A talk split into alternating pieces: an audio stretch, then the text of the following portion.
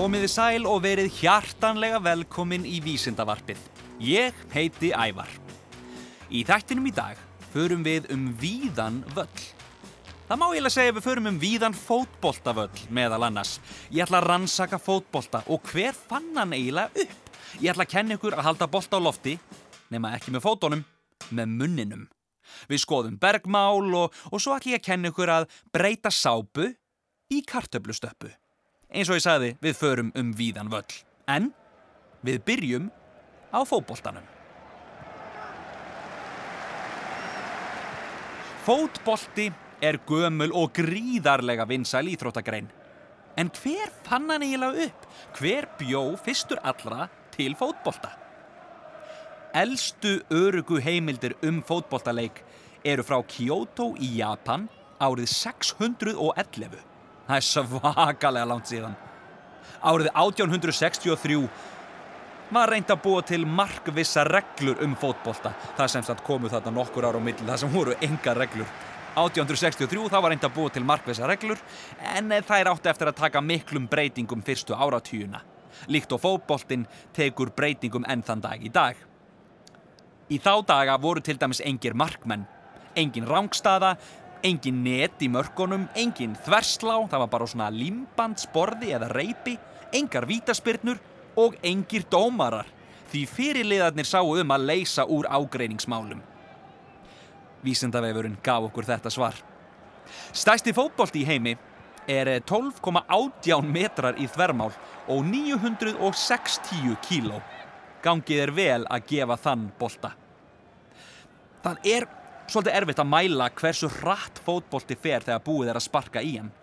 En engu að síður þá hafa sérfræðingar skoðað myndbönd af fótboltaleikjum og reiknað út hver eigi hraðasta fótboltaskot allra tíma. Margir komu til greina. En á endanum þá hampaði Ronny Hebersson frá Brasilíu þessum magnaða titli. Meðalhraði skota í fótboltaleikjum eru 96 km á klukkustund en árið 2006 þá skoraði Ronny mark með bolta sem mæltist á rúmlega 212 km hraða á klukkustund. Ég hefði ekki viljað vera í marki þann daginn. Hér er tilraun tengd fótbolta. Að halda bolta á lofti með munninum.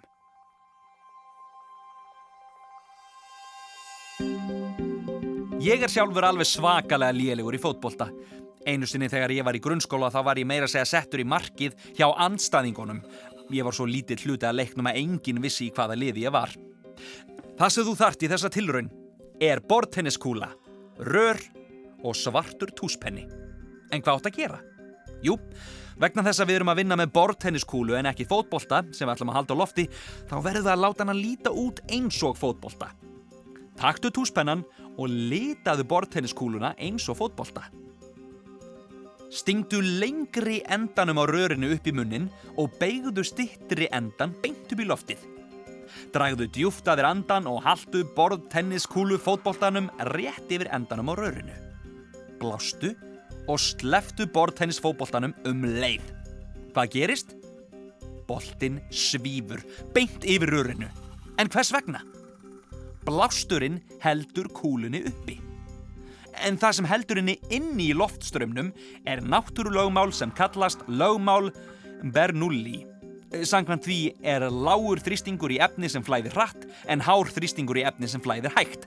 Sko, þetta þýðir að það er lágur þrýstingur í loftströmmnum en hár þrýstingur í loftin í kring. Ekki nema að það sé rosalega mikið rók.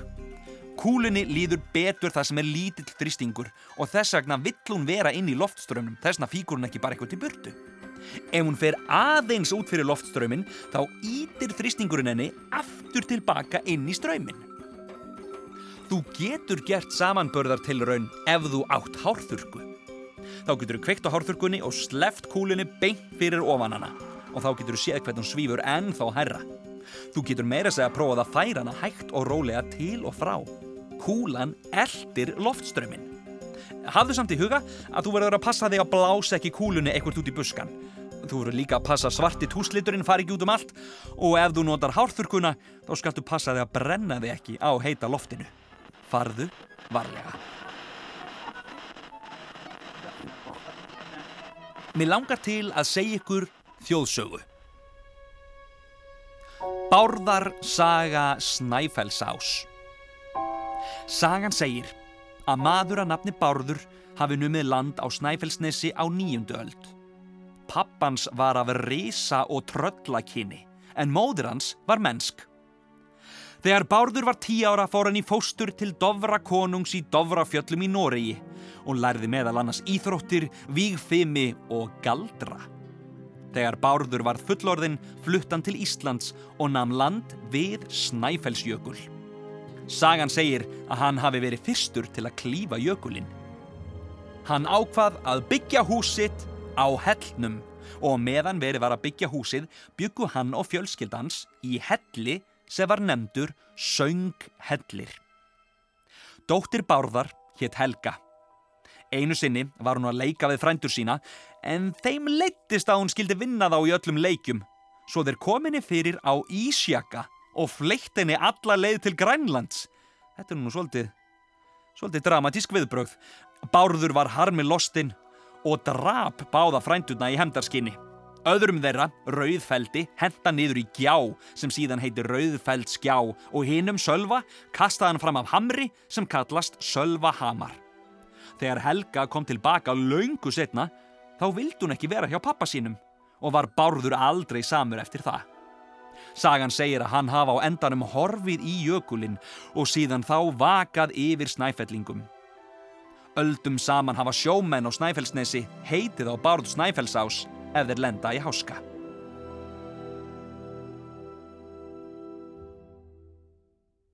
Það er mikið ævintýri að skoða Rauðfeldsgjá sem ég var að segja ykkur frá hérna rétt áðan. Hún er í hlýðbottsfjalls og ég mæli með því að þú klæðir þig vel að þú ætlar þangað að því að þú gætir blotnað í gegn. Góðir gönguskór eru algjört skilirði. Lækurinn sleggjubeina rennur eftir gjánni og steipist á endanum niður í foss. Þú getur rétt ímyndað þér hvernig Rauðfeldi hefur liðið að vera dröslað hér í gegn af reysanum bárði. Mundu bara að fara varlega. En hvers vegni óskupunum er ég að segja ykkur þessa hræðilegu sögu? Jú, líkt og Bárður Snæfells ás, þá hafa margir leitað skjóls í sönghelli. Og í sönghelli er vist besta bergmál eða dvergmál, eins og Bárður kallaði það, á öllu Íslandi. Ef þú ferðangað, þá skaltu prófa að hrópa og láta reyna á það. Og ef þeir eru mörg, þá getur þau hljómað eins og besta hljómsveit. Ef þú heimsækir sönghellin, þá sérðu að hefðin fyrir góður í gestabók nær langt aftur í aldir. En það getur verið hægara sagt en gert að skrifa þegar maður er ekki með blíjant og bók. Stundum ertu kannski bara með beitt grjót fyrir penna og klettavegg fyrir blad eins og í sönghellinum. Þá verða allar sveigjur og beigjur í stöfunum svo litið erfiðari og allt verður kassalaga og gróft. Hér er smá heimaverkefni. Prófaðu að skrifa nafnið þitt án þess að nota beigjur og sveigjur. Allar línur verða að vera beinar og öll horn verða að vera kvöss. En hvað er bergmál? Hljóð eru bylgjur sem við heyrum þegar þar skella á hljóð himnunni sem við erum með í eiranu. Bergmál heyrist þegar hljóðbylgjurnar skella fyrst á einhverju öðru, eins og til dæmis klettavegnum í sönghelli, og endur kastast svo til okkar. Sumir segja að andakvak bergmáli ekki. Nei, nei, nei, nei, nei, ekki, ekki svona endur. Ég er ekki að tala um endur sem að tegur með sér í bað heldur alvöru endur. Lifandi, reynum aftur.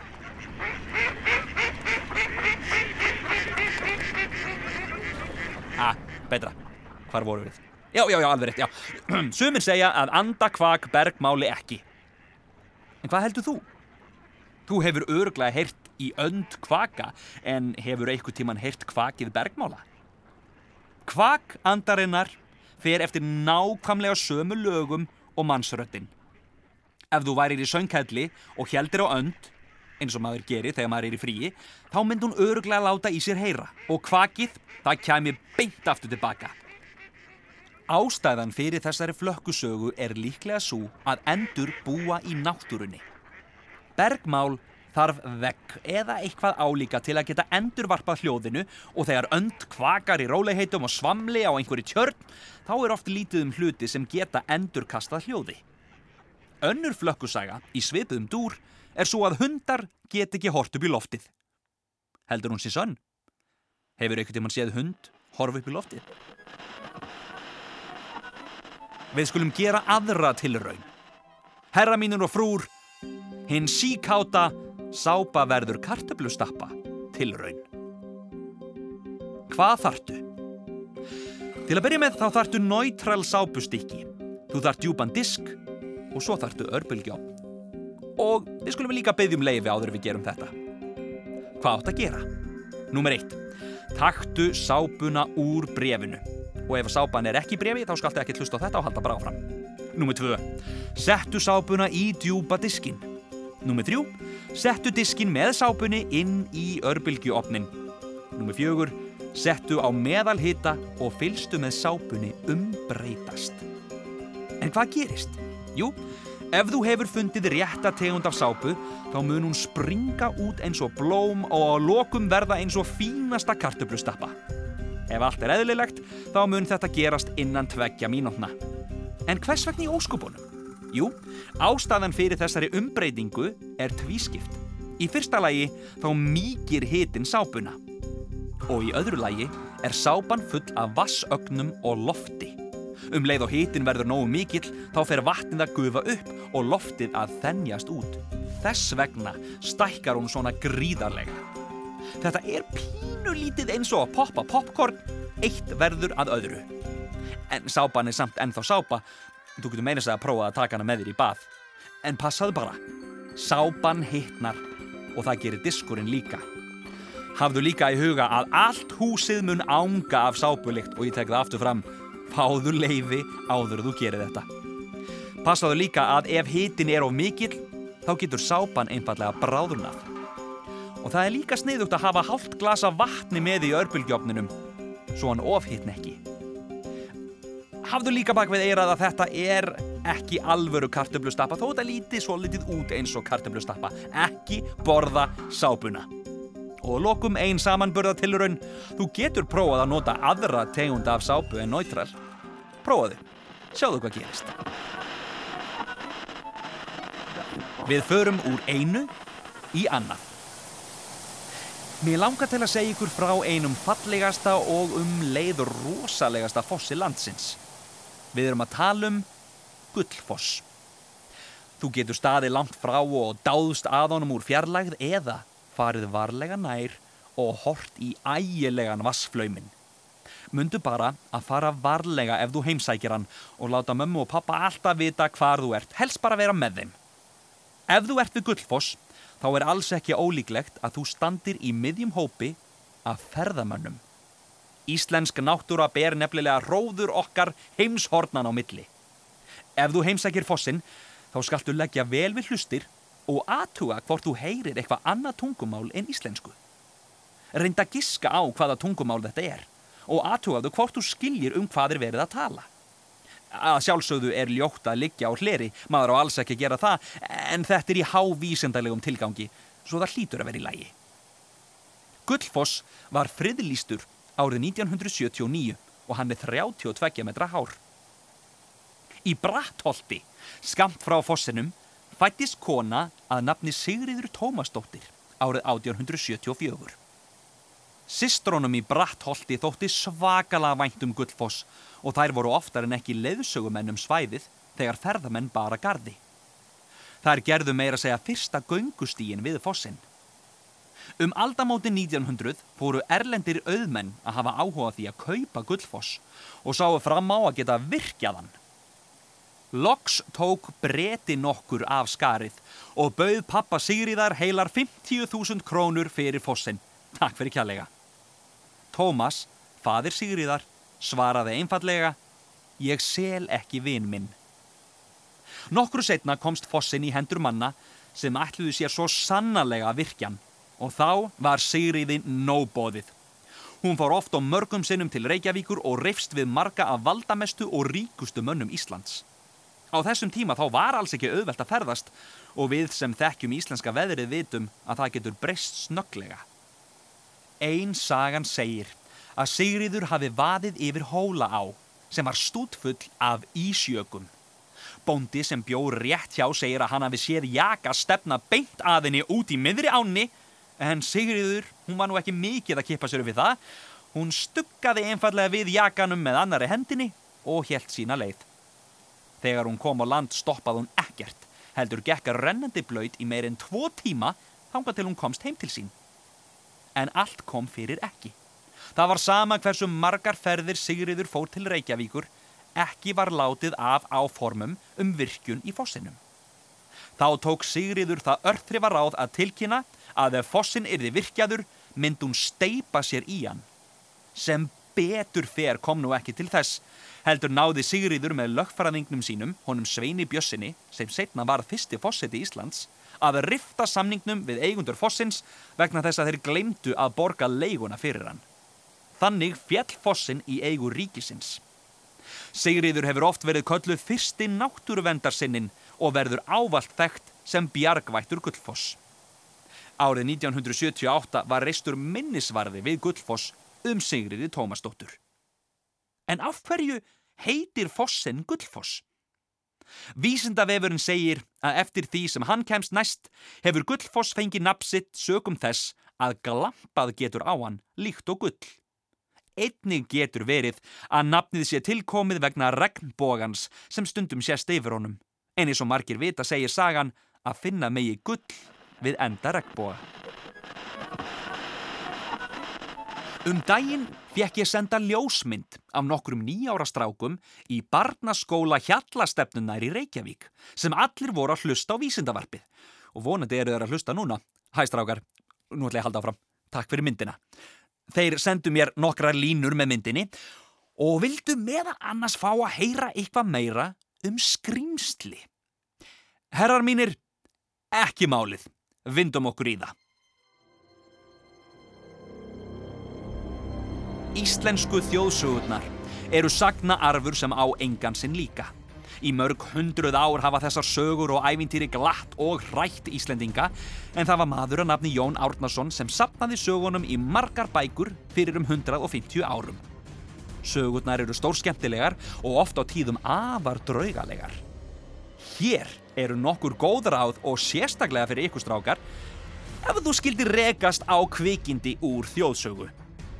Hvað átt að gera ef þú hittir álf?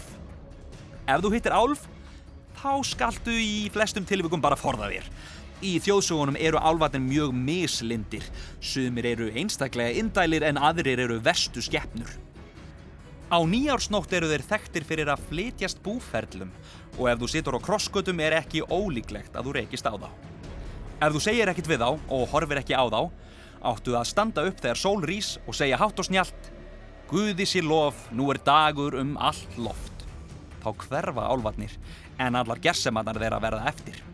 Ef þú hins vegar lætur eftir þeim og svarar þeim eða lítur á þá, æristu. Álvar verða líka mjög reyðir ef þú svíkur þá. Þannig að það er bara best að leifa þeim að vera í friði. En hvað átt að gera ef þú rekst á jólasvein? Ef þú rekst á jólasvein, þá mátt alveg spjalla við hann. Nú til dags eru jólasveinarnir ljúfustu lömp en í gamla daga þá voru þeir þjófar og þorparar. En batnandi mönnum er best að lifa og þess vegna skulum við vona að þeir haldi sig á beinu brautin í framtíðinni. Hvað átt að gera ef þú rekst á nikur? Þetta er svolítið skrítið orð. Nikur er grár loðin hestur með öfuga hófa. Ef þú rekst á hann, þá skaltu ekkert segja við hann. Hvers vegna? Hann er stór hættulegur. Þú mátt alls ekki fara á bak og alls ekki segja neitt einasta orð sem byrjar á N. Af því þá hleypur hann á stað út í næstu tjörn og drekkir þér. Sangvann þjóðsóðunum, auðvitað. Ef þú rekst á talandi kú, þá skaltu líka hlaupa. Kýr eru oftast meinlausar skeppnur en samkvæmt þjóðsóðunum eru þar stór hættulegar á 13. Þá tala þar mannamál og ef einhver heyrir í þeim er voðin vís.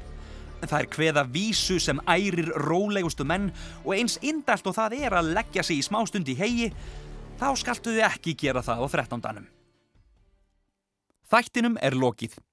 Ég vil þakka Vísendavef Háskóla Íslands, vísendavefur.is og um leið minna alla krakka á krakkarúf.is. Þar getið þið hlustað á alla þættina mína og hort á alla sjómastættina mína. Þetta er Ævar Vísendamæður. Takk fyrir mig, yfir og út.